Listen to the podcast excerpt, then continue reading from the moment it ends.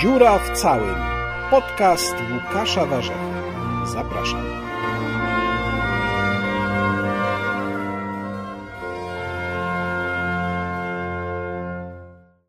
Dziura w całym podcast Łukasza Warzechy. Dzisiaj jest ze mną Sławomir Dębski, dyrektor Polskiego Instytutu Spraw Międzynarodowych. Dzień dobry. Dzień dobry, dzień dobry Państwu.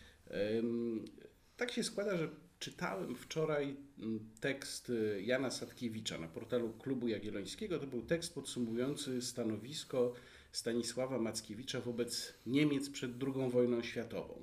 I mm, miałem poczucie, że oczywiście wiemy, historia jeden do jednego się nie powtarza, ale że bardzo wiele wątków y, y, działalności publicystycznej CATA w tamtym okresie mogłoby dzisiaj również znaleźć swoje miejsce. No wtedy, kiedy y, CAT próbował promować y, ideę mm, sojuszu z Niemcami, walczył z takim bardzo prymitywnym antygermanizmem, który w y, mediach II Rzeczpospolitej właściwie przez cały czas był obecny, przestrzegał przed pokładaniem wszystkich nadziei we Francji, no to tak sobie dopasowywałem. Ta Francja to trochę jak Stany Zjednoczone dzisiaj. E, bardzo prymitywny antygermanizm mamy również. E, czy, czy można te sytuacje porównywać? Sytuację, w której Polska była wtedy, a, a sytuację, jaką mamy dzisiaj?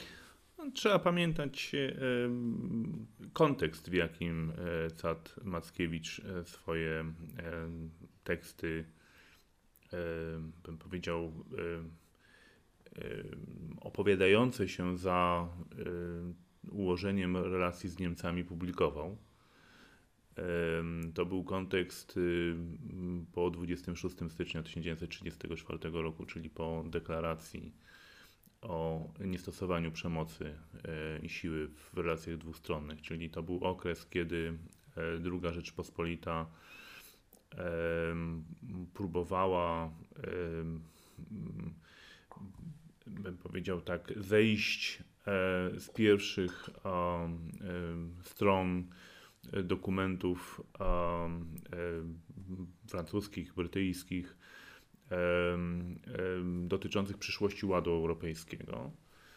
E, I można powiedzieć, że ta publicystyka Mackiewicza, w, w, zwłaszcza w tym drugiej połowie lat 30., miała charakter prorządowy. E, tak należałoby to dzisiaj widzieć. Łatwe analogie i geograficzne i historyczne są bardzo często mylące. Po pierwsze, musimy sobie uświadomić, że e, geograficznie nigdzie, e, znaczy sytuacja nasza się nie zmieniła.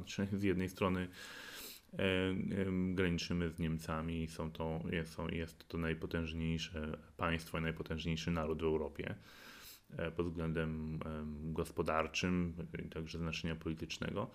I z drugiej strony mamy do czynienia z obszarem Europy Wschodniej, w którym w dalszym ciągu Rosja zajmuje dominującą pozycję ze względu na swój potencjał znowu wojskowy, trochę gospodarczy, trochę polityczny. Czyli, przepraszam, między Niemcami a Rosją cały czas, tak jak Adolf Bocheński napisał. Między Niemcami i Rosją, z tym, że oczywiście Europa Wschodnia zmieniła się o tyle e, na naszą korzyść, że ten imperializm rosyjski uległ e, zdecydowanemu osłabieniu. E, no, e, choćby przez sam fakt, że nie możemy uznawać za część rosyjskiego imperium Ukrainy.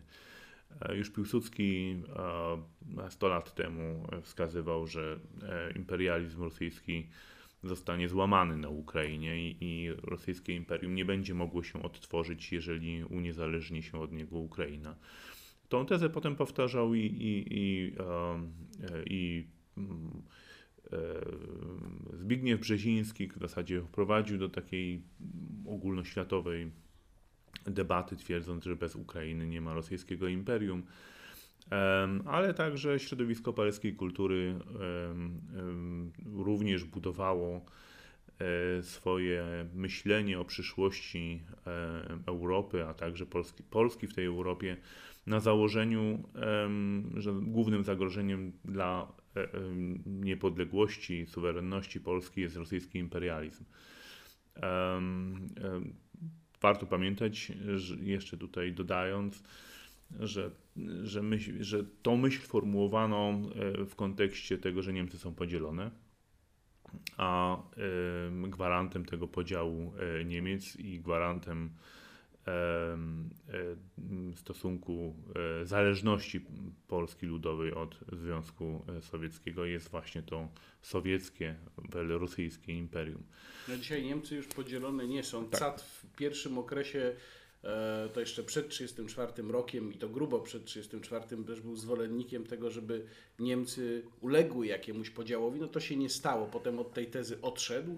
E, my dzisiaj oczywiście możemy sobie tylko teoretycznie dyskutować, czy lepiej by było, jakby Niemcy pozostały podzielone, czy nie pozostały, no ale nie są. Ale skoro mówi Pan o, o, o Ukrainie, to zanim jeszcze przejdziemy do bardzo szerokiego kontekstu, no to zastanawiam się znów.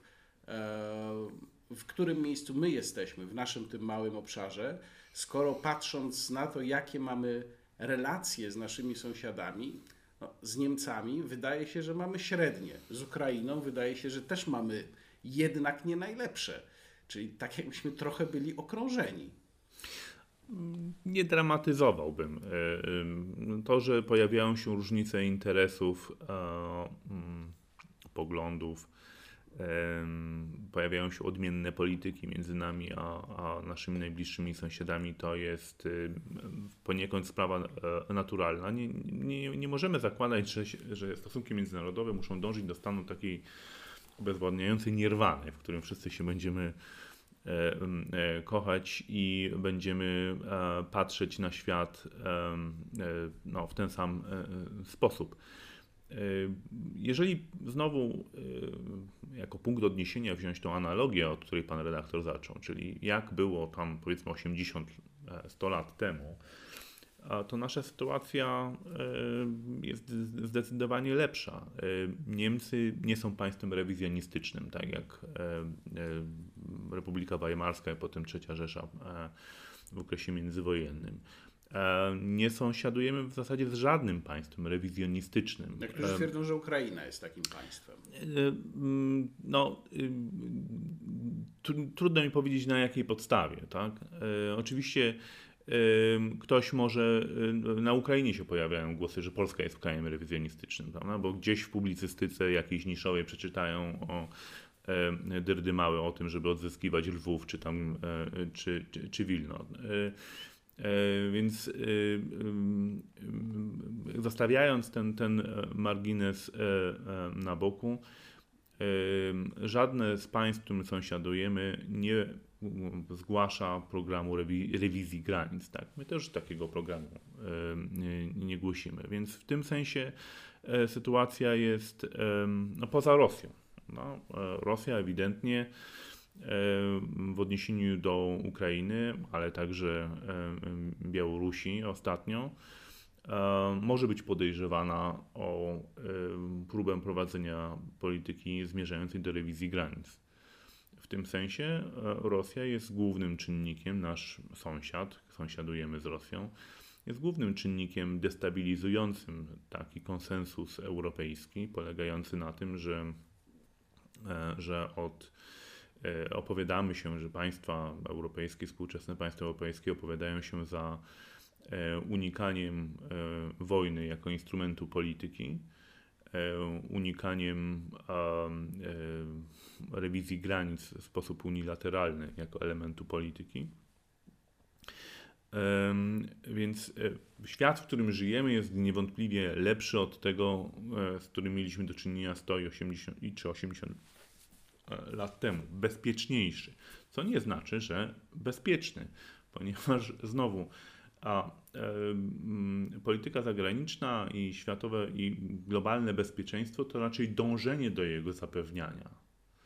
E, przy pełnej świadomości, że e, nie da się dojść do takiego momentu, którym osiągniemy stuprocentowe bezpieczeństwo. Wydawało się niektórym chyba, że tak się stało po 1989 roku. Już nie będę się tak. rytualnie pastwił nad Fukuyamą, bo wszyscy to robią, więc zostawmy już biednego Fukuyamę na ale, boku. Ale nie musimy go zostawiać, ponieważ on e, e, był produktem swojego czasu. Tak?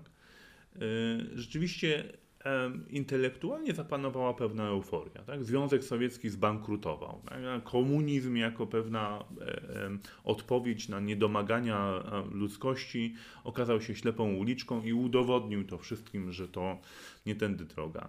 Więc Fukuyama doszedł po prostu do, do takiego przekonania, którym przecież nie był jedynym. To wielu podzielało takie przekonanie że oto teraz e, globalnie zapanuje liberalna demokracja, wolnorynkowy kapitalizm, no i w związku z tym wszystko się samo ureguluje, tak? Tak jak przekonanie, e, niewidzialna ręka rynku, wszystko samo będzie się regulować.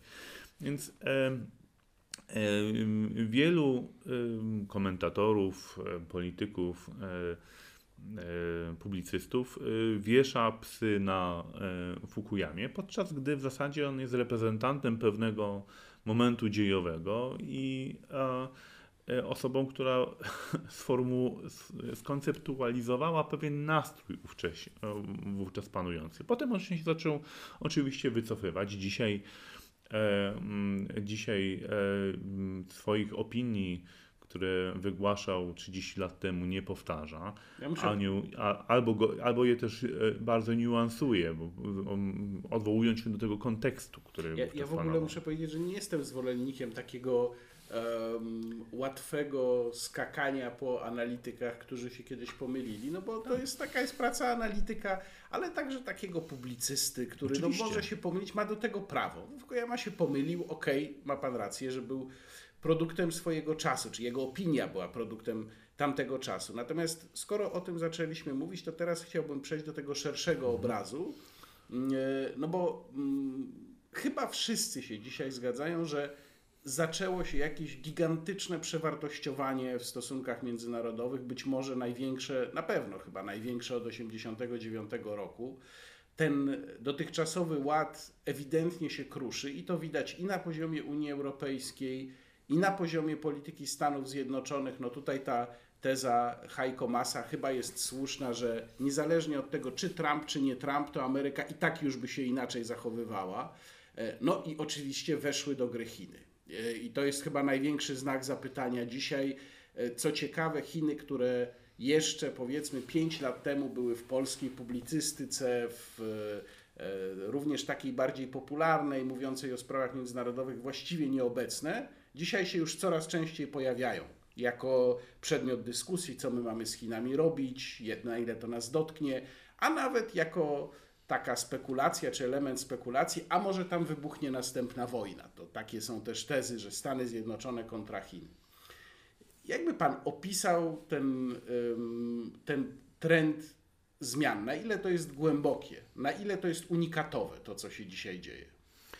E, unikatowe nie jest, ponieważ um, pewien taka transformacja um, systemów związana ze słabnięciem um, mocarstwa dominującego lub też hegemona w tym systemie zdarzała się już kilkakrotnie. Ostatnim razem 100 lat temu, gdy Europa, i taka była konkluzja I wojny światowej, gdy Europa e, zaczynała tracić na znaczeniu i tracić na e, takim e, gospodarczym, politycznym wpływie na cały system międzynarodowy, a w jej miejsce zaczynały wchodzić Stany Zjednoczone. Po II wojnie światowej to w ogóle było, sytuacja była oczywista, ponieważ ponad 70% globalnego PKB było produkowane w Stanach Zjednoczonych czy przez Stany Zjednoczone.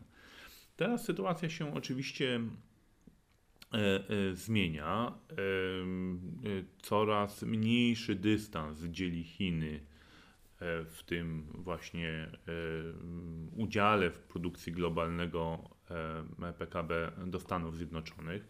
Stany Zjednoczone w tej chwili odpowiadają bodaj za jakieś 25% tego globalnego PKB. Co oznacza, że pytanie, dlaczego to właśnie Stany Zjednoczone pan, mają ponosić główną, główny ciężar za utrzymywanie bezpieczeństwa globalnego, staje się dla wyborców amerykańskich bardzo zasadne. Tak? E, po, po II wojnie światowej, gdy ten e, udział Stanów Zjednoczonych wynosił 70%, odpowiedź była dość oczywista. A kto inny może ponosić tę odpowiedzialność, skoro, skoro e, konkurentów do tej globalnego, globalnej roli Stanów Zjednoczonych no, trudno było się dopatrzyć, doszukać. Dziś sytuacja jest inna mamy do czynienia z bardzo bogatą y, Europą, która jednocześnie y, nie jest zdolna do no, wygenerowania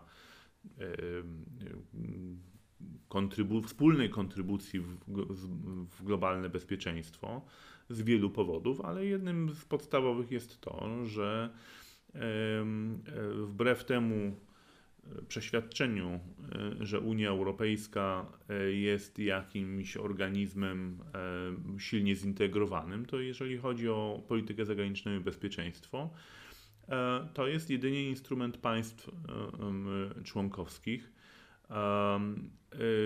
który jest używany na, w oparciu o zasadę konsensusu. Bo jeżeli chodzi o politykę handlową, to tu już jest, mamy do czynienia z dużo silniejszym instrumentem, dużo dalej idącą integracją i w zasadzie ten instrument już działa w sposób, a, można powiedzieć, bardziej autonomiczny. Tak?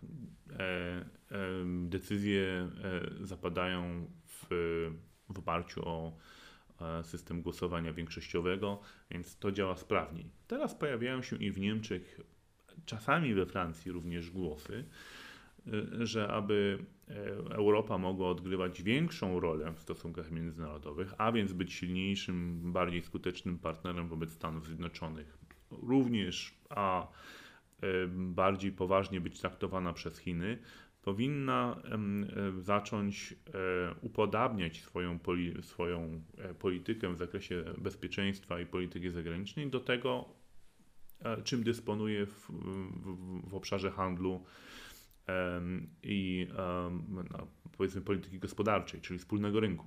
Ale to mam wrażenie, przepraszam, że to, że to też nie jest nowa tendencja, bo e, przecież ten spór o to, e, czy Europa ma występować jako jedność, do jakiego stopnia, czyli czy iść w stronę federalizmu, no już tak mówiąc bardzo schematycznie, czy raczej Europy ojczyzn, to on był obecny właściwie od momentu, kiedy myśmy wstąpili do Unii, prawda? Ja bym powiedział, że nawet wcześniej, czyli od momentu e, no, e, rozpoczęcia procesu integracji e, europejskiej, czyli od traktatów rzymskich, gdzieś ta, ten dylemat, w jaką stronę się to ma rozwijać. Czy Europa ma być jednak wspólnotą ojczyzn, czy jednak ma stworzyć e, nowy byt e, sui generis, taki powiedział, e, nową jakość w świecie. Pojawiały się głosy przecież o, o Stanach Zjednoczonych Europy. To jest pomysł Churchillowski przecież. Więc, czyli mm, iść w kierunku jakiejś federacji, jak najbardziej. E, ale w związku z Brexitem, z którym mamy do czynienia, w związku z tymi kłopotami tożsamościowymi Europy, ten dylemat się tylko nasilił, e, ponieważ e, mamy dwie grupy w zasadzie obserwatorów, intelektualistów, polityków. Jedni uważają, że odpowiedzią na te wszystkie wyzwania, o których także pan e, redaktor wspominał, na wyzwania związane z konkurencją ze strony Chin oraz Stanów Zjednoczonych, Europa powinna się bardziej zintegrować. I inni, e, druga grupa, która uważa wprost przeciwnie, e, należy lepiej współpracować na, na poziomie międzyrządowym, ale cofnąć się e, kilka kroków e, do tyłu w procesie integracji europejskiej i w dalszym i przywrócić poczucie społeczeństwom europejskim, że państwa w dalszym ciągu mają znaczenie i od głosów obywateli w dalszym ciągu coś w Europie zależy. Ponieważ ten dylemat, o którym tutaj mówimy, prowadzi nas również do pewnego bardzo istotnego sporu o funkcję i rolę instytucji europejskich i sposób ich kontroli przez wyborców. E, ponieważ e, e, rządy, wyborcy mają możliwość odwoływania no, poprzez udział w wyborach, poprzez parlament, ale generalnie rzecz biorąc, rządy narodowe, czyli państw, które uczestniczą w procesie integracji europejskiej, mają pewien miecz Demoklesa nieustannie wiszący nad swoją głową i jeżeli przesadzą w, w złym rządzeniu, zostaną po prostu przez wyborców wymienieni na rezerwową drużynę. E, w instytucjach europejskich takiego bezpośredniego, takiej bezpośredniej możliwości nie ma, zwłaszcza w komisji, tak, która jest powoływana w oparciu o pewien kontrakt polityczny na poziomie międzyrządowym, ale potem rości sobie bardzo często prawo albo aspiruje do odgrywania autonomicznej roli wobec rządów, a tym bardziej wobec e, obywateli. To my to widzimy chyba na naszym przykładzie teraz bardzo wyraźnie. To widzimy na wielu przykładach. E, ten spór, który się e, toczył o integrację europejską, udział Wielkiej Brytanii w integracji europejskiej, bardzo często jest taki dość prymityzowany i on często jest prymitywny, który doprowadził do Brexitu, o tym mówię ale jest szereg e, wątków, które warto by było jednak bliżej analizować i się nad nimi zastanawiać, ponieważ nie wszystko było, e, nie wszystkie argumenty, które były przywoływane w trakcie tej debaty brexitowej, e, miały charakter populistyczny, ideologiczny, czy też opierały się na dezinformacji i powiedział takiemu fałszywemu, jakiejś fałszywej percepcji. Mówi Pan o argumentach zwolenników wyjścia z Unii. Mówi o argumentach, które się w ogóle pojawiały w tej debacie brexitowej. Czyli z obu stron. Z obu stron. Część z nich uważam, że powinna być no, przedmiotem no, przynajmniej dyskusji i no, takiej refleksji, czy rzeczywiście E, sytuacja, w której e, no, te, te poczucie braku wpływu u wyborców na sposób funkcjonowania instytucji europejskich e, służy integracji europejskiej, czy nie służy. Czy fakt, że instytucje europejskie, takie jak Komisja, Parlament, ale także Europejski Trybunał Sprawiedliwości, dążą do poszerzania zakresu własnych kompetencji, a co jest naukowo stwierdzone, że no, gdyby te instytucje mają naturalną skłonność do pchania integracji w kierunku no, takiego modelu jednak federacyjnego, e, uniezależniania się od rządów, które są założycielami e, Unii Europejskiej i które są stron, stronami traktatu, E, czy to jest dobry kierunek dla, dla przyszłości tego procesu? To jest debata, która jest absolutnie moim zdaniem uprawniona i nie należa, i zarówno zwolennicy federalizmu nie powinni się obrażać na e, otwieranie dyskusji na ten e, temat. To nie jest żadne podważanie fundamentów integracji europejskiej. Nikt nie wzywa tutaj do występowania czy też um, um, z, z Unii, czy też e, no, kwestionowania e, faktu, że ona jednak e, per saldo, patrząc na ostatnie kilkadziesiąt lat, przyczyniła się do, do zwiększenia dobrobytu Europejczyków ale problem rzeczywiście e, istnieje. Część e, e, komentatorów, analityków, obserwatorów nazywa go kryzysem demokracji w Unii Europejskiej, czy, czy deficytem demokracji.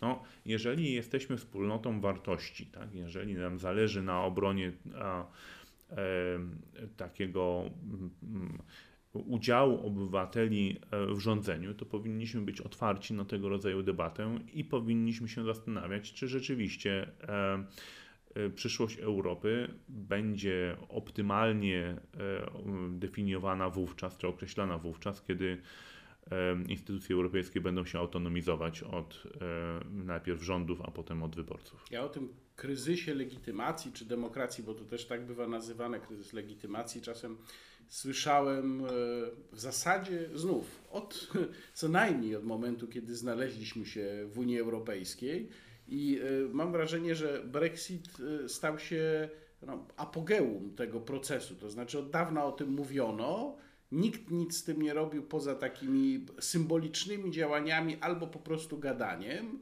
No i w końcu kulminacja nastąpiła. Pytanie, czy to jest kulminacja rzeczywiście, czy będzie jeszcze coś dalej? Ja bym nie powiedział, że nic z tym nie robiono, dlatego że próbowano odpowiedzieć na, ten, na to poczucie deficytu. Yy, yy,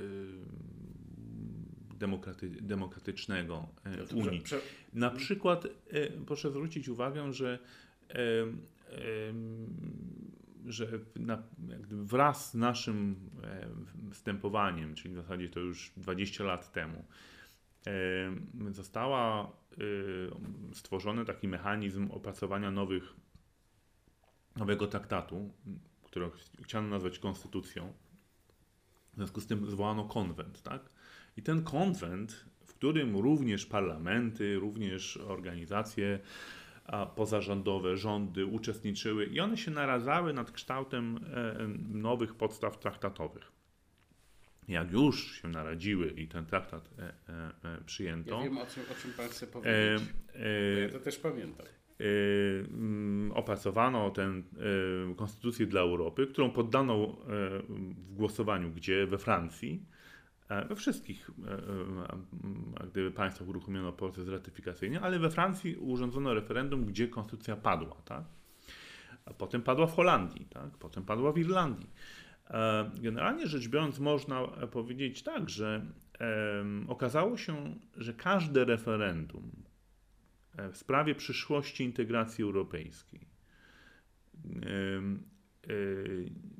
okazuje się nieudaczej, okazuje się być przegraną zwolenników integracji europejskiej. Myślałem, że pan powie o, o jednej rzeczy, która e, się pojawiła po drodze i to był taki, przynajmniej ja to tak oceniam, bardzo groteskowy przykład, jak sobie próbowano radzić z tym deficytem demokracji, to znaczy uruchomiono też coś takiego jak objazdowy konwent, to znaczy jeździli członkowie konwentu, i gdzieś tam mieli spotkania. To oczywiście działo się nie tylko w Polsce, ale w Polsce też. No, na przykład o konstytucji dla Europy gdzieś w Suwałkach była dyskusja. Oczywiście wpływ tego na cokolwiek, co potem się miało znaleźć w tym traktacie, niedoszłym był zerowy. Tak, ale ja bym też tego nie krytykował, bo to była taka próba poszukiwania jak jednak jakiegoś instrumentu. Ja bym na przykład chciał, żeby to się odbywało regularnie, żeby w tych suwałkach o tej e, integracji europejskiej, o tym federalizmie, czy czy wspólnocie narodów stale debatowano. No ale żeby to miało jakieś przełożenie, jakiekolwiek na to, co się potem dzieje. No, z tym przełożeniem to nigdy, to nigdy nie wiadomo, jak, e, jak ono wygląda, dlatego że rozmawiamy jednak o poziomie pewnym idei. Tak? E, idei, idee trwają i e, mają dłuższą żywotność, czyli jak gdyby przydatność do spożycia niż, niż instytucje, niż poszczególni politycy, którzy bardzo często szybko kończą karierę polityczną. Rozmawiamy właśnie w, o procesie integracji europejskiej w perspektywie kilkudziesięciu lat. Tak? Um, wspominaliśmy o, o, o, o tym, że ta, ten dylemat, w jaką stronę ta Europa ma się e, rozwijać, jest z nami no, od traktatów rzymskich e, co najmniej. Ja przypomnę, że pod koniec lat 60. mieliśmy sytuację taką, w której Francja w ogóle no, opuściła gremia decyzyjne Unii Europejskiej w proteście przeciwko usamodzielnianiu się komisji.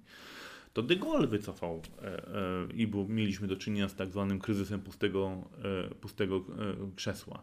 Więc ten, ten kłopot związany z tym, że instytucje takie jak Komisja czy też, czy też Parlament Europejski E, usiłują e, nadać sobie wagi w, e, w tym architekturze demokratycznej Europy, a jednocześnie uniezależnić się od głosu wyborców, jest stałym elementem procesu integracji europejskiej. Na razie nie znaleziono dobrej ku temu rady, ale wracając do tej, od tego odrzuconej, odrzuconej konstytucji dla Europy we Francji. Wygenerowało to jednak nowe zjawisko, polegające na tym, że rządy w dalszym ciągu opowiadają się za procesem integracji europejskiej, a jednak nie są skłonne do odwoływania się do idei referendum. Dzisiaj nikt nie mówi o tym, aby otworzyć traktaty, jak to się mówi, i zacząć znowu negocjować podstawę, no, fundamentalne podstawy funkcjonowania e, Unii, dlatego że politycy obawiają się, że gdyby do tego doprowadzić, to to znowu obywatele by odrzucili ten projekt. Ja bym chciał poprosić, żebyśmy spojrzeli znów na ten szerszy obraz. Gdzie by Pan widział źródło potencjalnego zagrożenia dla światowego ładu, czy w ogóle dla e, pokoju, jeżeli można już pójść tak daleko? E, różne, na różnym poziomie, by to powiedzieć, e, popularyzacji pojawiają się koncepcje, że bardzo popularne są te przewidywania dotyczące konfliktu w Azji, właśnie amerykańsko-chińskiego. No ale też my mamy pod bokiem Rosję z kolei. Być może jakieś inne scenariusze są możliwe. Gdzie pan by widział główne zagrożenie? E, główne zagrożenie widziałbym jednak zawsze w upowszechnianiu się pewnej idei, która nagle może ogarnąć gremia decyzyjne w różnych państwach jednocześnie. Z taką sytuacją mieliśmy e, do czynienia przed I wojną światową i poniekąd przed II wojną światową, kiedy nagle się okazało, że w różnych miejscach świata, e, w głowach różnych ludzi, ale w tym samym czasie, E, przyszła do głowy pomysł e, reorganizacji systemu międzynarodowego przy użyciu wszelkich możliwych sposobów, w tym też przy użyciu siły. Tak? No tak jakbyśmy, przepraszam, dziś spojrzeli, no to tak, Putin oczywiście jest w grze od dawna, ale po jednej stronie mamy Trumpa, który jednak mocno zmienił chyba sposób myślenia, a przynajmniej czasowo, przynajmniej na czas, kiedy on jest prezydentem, sposób myślenia Stanów Zjednoczonych o sobie i swojej roli, ale w Chinach mamy z kolei Xi Jinpinga, który wprowadza bardzo daleko idące zmiany. Mm, pojawiają się już takie oceny, że on jest najpotężniejszym przywódcą chińskim od czasów Mao Tse-tunga. E, no i rzeczywiście, jak spojrzeć na konkretne różne regulacje, łącznie z tym zniesieniem kadencyjności na stanowisku prezydenta, no to wychodzi na to, że faktycznie tam jakiś zamysł taki mm, mocniejszego wejścia, bardziej asertywnego wejścia Chin w politykę międzynarodową chyba za tym stoi. Więc czy to nie jest trochę taki moment, że mamy tych graczy takich bardzo asertywnie nastawionych po różnych stronach? Może bym y, odwrócił troszeczkę ten, ten dylemat, bo tego, czego się można y, obawiać, to pewnego y, upowszechniania się przekonania, że w zasadzie siła państwa, czy sprawność, y, skuteczność e, polityki e, zależy e, trochę od ograniczenia mechanizmów właśnie tej kadencyjności, tak? Tu mamy do czynienia i z, z Rosją, mamy do czynienia i z, z, Chinami, ale też w państwach demokratycznych pojawia się teza, że no, wybory co 4 lata to może to jest za często e, e, w, w tych, ponieważ świat przyspieszył, niewiele się da zrobić w ciągu 4 lat, a może by tak zrobić co 6 na przykład. Nie? I te, w tych, tych Podobny argument, podobny argument słyszałem w Wielkiej Brytanii gdzieś właśnie w kontekście tej debaty e, nad Brexitem i w kontekście tych bardzo szybko zapadających terminów związanych z artykułem 50 e, wychodzenia, wychodzenia Wielkiej Brytanii z, z, z Unii. Więc e, gdyby można by, zagrożenie widzę w tym, że gdyby się ten sposób myślenia zaczął e, upowszechniać, to jednak dla takiej, zwłaszcza dla państw demokratycznych i no, tej weryfikowalności polityk prowadzonych przez rządy, to mogłoby się niedobrze skończyć. E, także poprzez to, że wojna wielokrotnie w historii była uważana za taki element odciągający uwagę e, społeczeństwa, czasami wyborców od problemów wewnętrznych. E, I ja jestem głęboko przekonany, że to, co, z czym mieliśmy do czynienia w 2014 roku, czyli z agresją Rosji na Ukrainę, było motywowane głównie e, spadającymi e, ocenami prezydenta Rosji Putina w społeczeństwie rosyjskim, a utrata wpływu na to, co się dzieje na Ukrainie, była postrzegana przez rosyjską elitę jako zagrożenie dla własnej pozycji, bo nagle mogłaby być odpowiedzialna za rozpad tej postsowieckiej strefy, którą uważali za strefę, uważają za strefę własnych, wyłącznych wpływów i interesów. Z tego powodu e, Putin zdecydował się e, zabrać Ukrainie Krym, czym groził już e, na szczycie, na szczycie NATO Rosja w 2008 roku w Bukareszcie. E, więc ta myśl o tym, że jeżeli Ukraina będzie zmierzać w kierunku Europy, będzie zmierzać w kierunku obszaru transatlantyckiego, to przynajmniej Rosja zatrzyma sobie e, Krym, bo przecież Krym podarowała Ukrainie za Chruszczowa, tak? w związku z tym e, raz dała, więc może zabrać.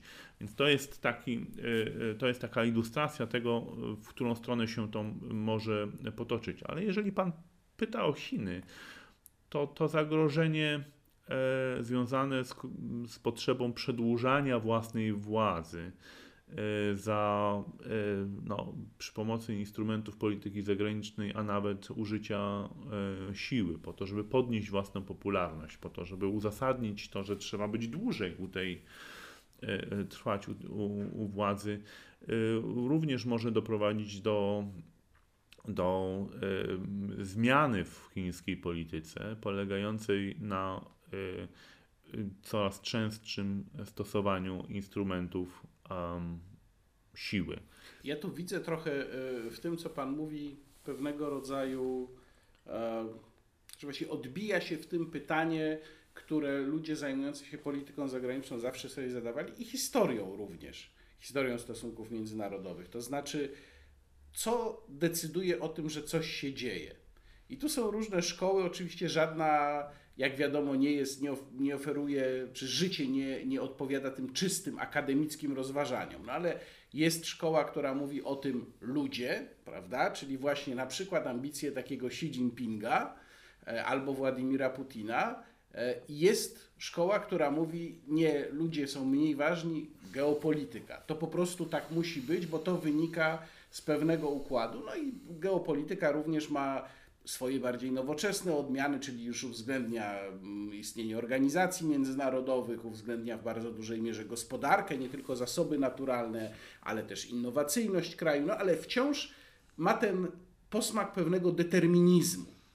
E, czy geopolityka, e, o której zresztą miałem przyjemność poprowadzić panel na ostatnim forum e, polityki zagranicznej organizowanym przez PISM, czy jest Pańskim zdaniem dobrym instrumentem do opisu tego, co się dzisiaj dzieje, bo w tym w, tym, w tych przemianach, żeby się doszukać jakiejś logiki, czy jakoś umieć je sobie zracjonalizować, to mam wrażenie, że wiele osób właśnie um, sięga po geopolitykę, no bo ona jakoś to systematyzuje, jakoś pozwala się w tym połapać. Hmm, znaczy, no jest bardzo y, y, skomplikowany problem, dlatego że y, mój osobisty taki stosunek do tego instrumentu jest ambiwalentny. Z jednej strony to zawsze dobrze, jeżeli ludzie potrafią sobie jakoś usystematyzować wiedzę, informacje, które, które do nich trafiają, są w stanie w związku z tym w miarę systematycznie um, patrzeć na, o, i oceniać otaczającą nas rzeczywistość, ale z drugiej strony y, kłopotem, y, jak zawsze y, w takim, z, taką, w takim, z taką metodą jest to, że używa się tylko jednej metody systematyzowania tej rzeczywistości. I wówczas e, powstaje pewien intelektualny monopol, którego człowiek staje się więźniem. Tak? Nie jest w stanie popatrzeć poza tą szklaną kulę, którą sobie, którą sobie stworzył, w której się przegląda i doszukuje się, próbuje odgadnąć e, przyszłość. Eksperci zazwyczaj stosowują więcej niż jedną metodę patrzenia na otaczającą e, rzeczywistość i starają się rozbudować swoje instrumentarium analityczne, e, próbując znaleźć coś e, wartego do zastosowania w innych rodzajach myślenia, czyli w innych szkołach, czyli nie tylko geopolityka, ale na przykład teoria demokratycznego pokoju, czy konstruktywizm. Ja nie będę w to wchodził, bo to nas, naszych słuchaczy średnio interesuje. A nawet psychologia władzy. A, ależ oczywiście e, to się logika e, politycznego przetrwania e, Bruno Maskity, którą, która również je, jak gdyby podpowiada, dlaczego politycy zachowują się tak, a nie inaczej i dlaczego generalnie rzecz biorąc nawet w państwach demokratycznych bardzo często schodzą w kierunku, bym powiedział, moralnie wątpliwych instrumentów. Tak? E, Maskita e, dochodzi do wniosku, że e, czasami zła polityka jest dobrą strategią polityczną. Ale to zostawiając, zostawiając na boku, geografia oczywiście ma znaczenie w polityce międzynarodowej. Zaczęliśmy naszą rozmowę od wątku, że sytuacja geograficzna Polski się nie zmieniła. W dalszym ciągu żyjemy między Rosją i Niemcami. W związku z tym, jeżeli e, Stanisław Sadmackiewicz pisał coś o, o Niemczech, to niektóre te myśli w dalszym ciągu mogą znajdować e, zastosowanie czy pewną aplikację, mogą nas inspirować, dlatego, bo wciąż z Niemcami e, graniczymy. A z kolei, bym powiedział, no, inni polscy myśliciele e, polityczni zajmowali się Rosją. Część e, ich obserwacji w dalszym ciągu znajduje zastosowanie właśnie ze względu na to, że Rosja wciąż jest dominującym aktorem w Europie Wschodniej. A bym powiedział tak, im więcej różnego rodzaju instrumentów e, stosujemy do postrzegania świata, tym bardziej precyzyjną, precyzyjny obraz jesteśmy w stanie z tego zbudować. To jest trochę tak z tymi różnymi teoriami stosunków międzynarodowych, w tym geopolityką. To jest tak jak właśnie z instrumentem. I, mikroskop, i lupa, i lornetka e, są zbudowane w oparciu o, socze, o, o konstrukcję soczewek ale za pomocą każdego z tych instrumentów widzimy trochę inną część świata. To nie znaczy, że to są rzeczywistości konkurujące ze sobą, czy zupełnie inne. One po prostu w, sumie razem tworzą tą rzeczywistość, w, którą, w której e, żyjemy. E, nie możemy oczywiście abstrahować także od, od tego, że pewne klisze geopolityczne funkcjonują e, w myśleniu polityków, którzy podejmują decyzje. Również na podstawie tych klisz. Różnie, również na podstawie tych klisz, również na podstawie e, e, własnych interesów, ale myślą tymi kliszami, które ktoś im gdzieś kiedyś podpowiedział, więc nie wolno nam tego całkowicie zignorować. To skoro mowa o kliszach, ostatnia kwestia. Pamiętam w 2009 roku, tuż przed 1 września, czyli przed rocznicą wybuchu II wojny światowej, Radosław Sikorski opublikował taki głośny wtedy tekst w Gazecie Wyborczej, w którym skrytykował tak zwaną politykę jagiellońską i opowiadał się za polityką piastowską i też opowiadał się za um, no, innym podejściem do Niemiec, tak naprawdę za bliskim sojuszem z Niemcami, a nawet niektórzy to interpretowali, że za poddaniem się Niemcom w pewnym sensie. E, I ja mam wrażenie, że to był być może ostat, to była być może ostatnia próba podjęcia w ogóle na forum publicznym poważnej dyskusji o kierunku polityki zagranicznej pomiędzy tymi dwoma obozami, które są w tej chwili już maksymalnie skłócone. Czy pan uważa, że w ogóle debata o polityce zagranicznej na serio dzisiaj funkcjonuje, czy nie? Czy to już są tylko tylko klisze, a my sobie tu możemy siedzieć w gabinecie dyrektora pism, rozmawiać i tak naprawdę jedyne, jedyne osoby, które to zainteresuje, to będą zwykli słuchacze, a nie ludzie, którzy podejmują decyzje. Zwykli słuchacze są w tej e, rozmowie niezwykle ważni. Ich stan, ich bym powiedział, zaznajomienia z materią, o której y, decydują decydenci polityczni, w której rozmawiają eksperci, również jest ważny, ponieważ to również ma wpływ na kształtowanie polityki zagranicznej, sposób komunikowania się decydentów ze społeczeństwem e, w sprawach polityki zagranicznej ma znaczenie. I to, co społeczeństwo, y, jak sobie wyobraża miejsce Polski w Europie, w świecie, ma znaczenie. Um, więc y, ta nasza rozmowa i, i, ta debata jest, jest ważna. Natomiast y, rzeczywiście patrząc na, czy śledząc media społecznościowe, które są chyba takim głównym y, forum, czy też agorą, w, który, w którym się pojawiają różnego rodzaju pomysły, ten stan e, debaty jest rzeczywiście e, nie najlepszy. Głównie dlatego, że mamy do czynienia z dużym jej upolitycznieniem. To znaczy, polityk formułuje oceny nie w oparciu o kryterium e, prawdy, fałszu, ale w oparciu o kryterium użyteczności politycznej.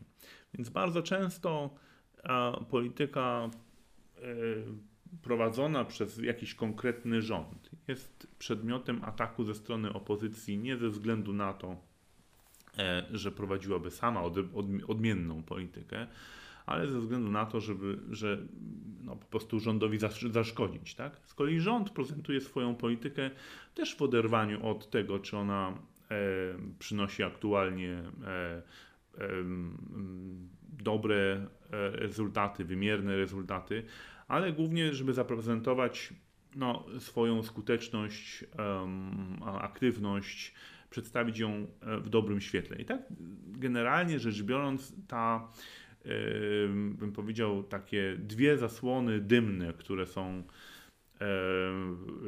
no, stawiane zarówno przez opozycję, jak i o, przez rządzących, niezależnie od tego, kto jest u władzy, tak bym powiedział, bo to jest jak gdyby uniwersalna zasada. Niewątpliwie E, utrudnia e, e, taką debatę. Do tego, do jej generowania służą tego rodzaju instytucje jak Polski Instytut Spraw Międzynarodowych. Oczywiście ona się nie może odbywać publicznie, bo wówczas miałaby charakter, uczestniczylibyśmy w stawianiu tych, tych zasłon dymnych. Trzeba sobie po prostu uświadomić, że celem polityków jest coś innego niż E, niż, e, bym powiedział, taka zobiektywizowana czy dążąca do, do obiektywizmu um, opinia. To jest wygranie kolejnych wyborów. To jest podstawowy cel e, e, polityków. Natomiast e, stwarzanie takiego e, azylu, w którym można się po pierwsze wprowadzać do, do debaty mm, realne mm, fakty, realną rzeczywistość i prowadzić e, wokół e, e, na ten temat no, oderwaną od takich bieżących potrzeb politycznych rozmowy jest niezwykle ważne. I tworzenie takich obszarów, zarówno przez dziennikarzy, jak i przez organizacje pozarządowe, instytucje pożytku publicznego, jakim jest Polski Instytut Spraw Międzynarodowych, w tym sensie działający na rzecz kształtowania uczciwej debaty e, wokół spraw międzynarodowych polskiej polityki zagranicznej. E, tych działań, te działania należy wspierać I e, życzyć sobie należy, aby w tym nadchodzącym roku takich osób, instytucji, aktywistów było coraz więcej, którzy potrafią taką sferę, obszar debaty o polskiej polityce zagranicznej stworzyć. Ci z Państwa, którzy wysłuchali tego podcastu, też uczestniczyli właśnie w tworzeniu takiego obszaru. Bardzo dziękuję mojemu gościowi, Sławomir Dębski, dyrektor Polskiego Instytutu Spraw Międzynarodowych. Dziękuję bardzo. To był podcast Łukasza Warzechy. Dziura w całym. Zapraszam do wysłuchania następnych.